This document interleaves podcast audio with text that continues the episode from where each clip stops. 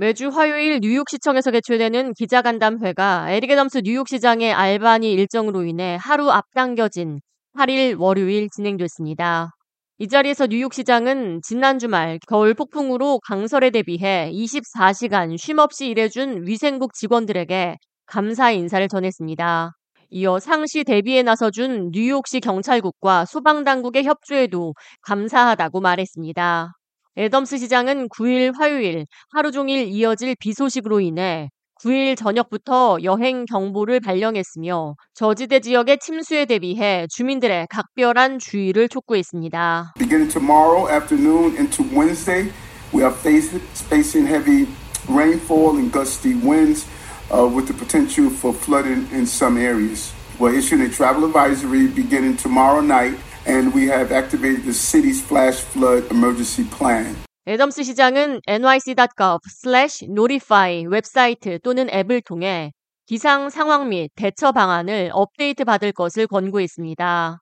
뉴욕시가 망명 신청자 쉘터 거주 기간을 아이가 있는 가족의 경우 60일, 자녀가 없는 성인의 경우 30일로 단축한 규정과 관련해 당장 9일 로우 호텔에서 40가정이 퇴소하는 것과 관련한 질문에 대해 퇴소하는 가정을 대상으로 미국 내에 가족이 있는지 지인이나 연고지가 있는지를 파악한 뒤 그들의 항공권이나 교통편을 지원하게 된다고 설명했습니다.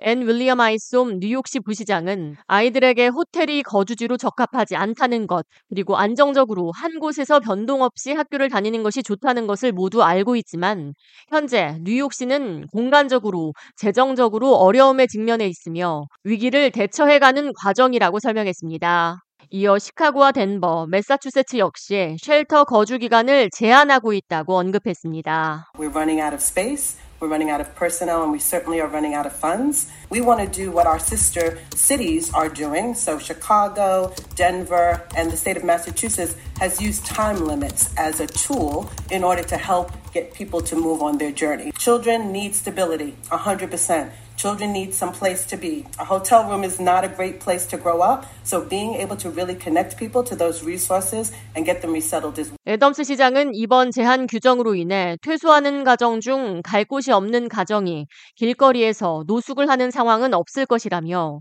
뉴욕시가 이들에게 또 다른 옵션을 제공하고 지원할 것임을 강조했습니다.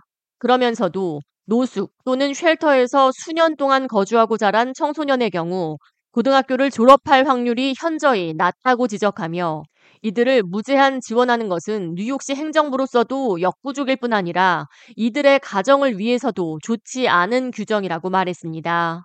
이어 망명 신청자 가정이 스스로 삶을 개척하고 자립할 수 있도록 돕는 것이 핵심이며 이 위기 상황을 해결하기 위해 연방 정부가 적극적으로 개입해 적절한 조치를 취해야 한다고 꼬집었습니다. This is not going to be a city where we're going to place children and families uh, on the street and have them sleep on the street. That is not going to happen. We made that clear. If a child grows up in a homeless shelter or homeless, they're less likely to graduate from high school. Uh, these decisions we're making is finding stabilities for families, being clear on the national government fixing this problem and giving us the funding. 뉴욕시 행정부는 지난달 27일부터 망명 신청자를 실은 버스가 아무 때나 뉴욕시에 도착해 아무 곳에나 이들을 내려줄 수 없도록 금지하고 버스 업체들을 대상으로 뉴욕시 도착 최소 32시간 전에 미리 도착 사실을 공지해야 한다는 제한을 두고 평일 오전 8시 30분부터 낮 12시 사이에만 뉴욕시가 승인한 곳에 한해 이들을 하차시킬 수 있다는 규정을 시행 중입니다. 이에 버스 회사가 뉴저지주에 이들을 내려준 뒤 이들이 스스로 뉴욕시로 이동하도록 장려하고 있습니다. 이에 필 머피 주지사는 8일 월요일 버스 회사를 상대로 최소 32시간 전에 뉴저지 주 정부에 미리 공지해야 한다는 제한 사항을 발표했습니다. 뉴저지 주정부는 20곳이 넘는 버스 회사를 상대로 보낸 서한을 통해 작년 12월 31일 이후 남부 국경에서 뉴저지주에 도착한 망명 신청자가 1,800명에 달하고 있으며 이들은 그야말로 버려지듯이 이곳에 하차한 뒤 맨해튼으로 이동하고 있다고 전했습니다. 이어 이들이 이동함에 있어 안전과 건강을 보장해야 하며 이들이 희망하는 곳이 뉴욕시임에도 불구하고 뉴저지주에 내려주는 것은 위험한 처사라고 지적했습니다.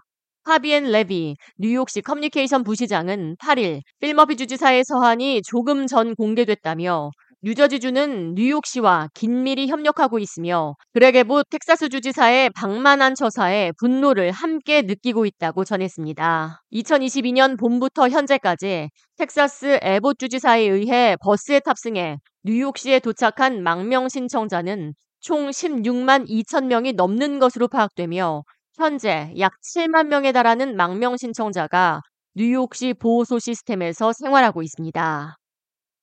K-Radio 이하입니다.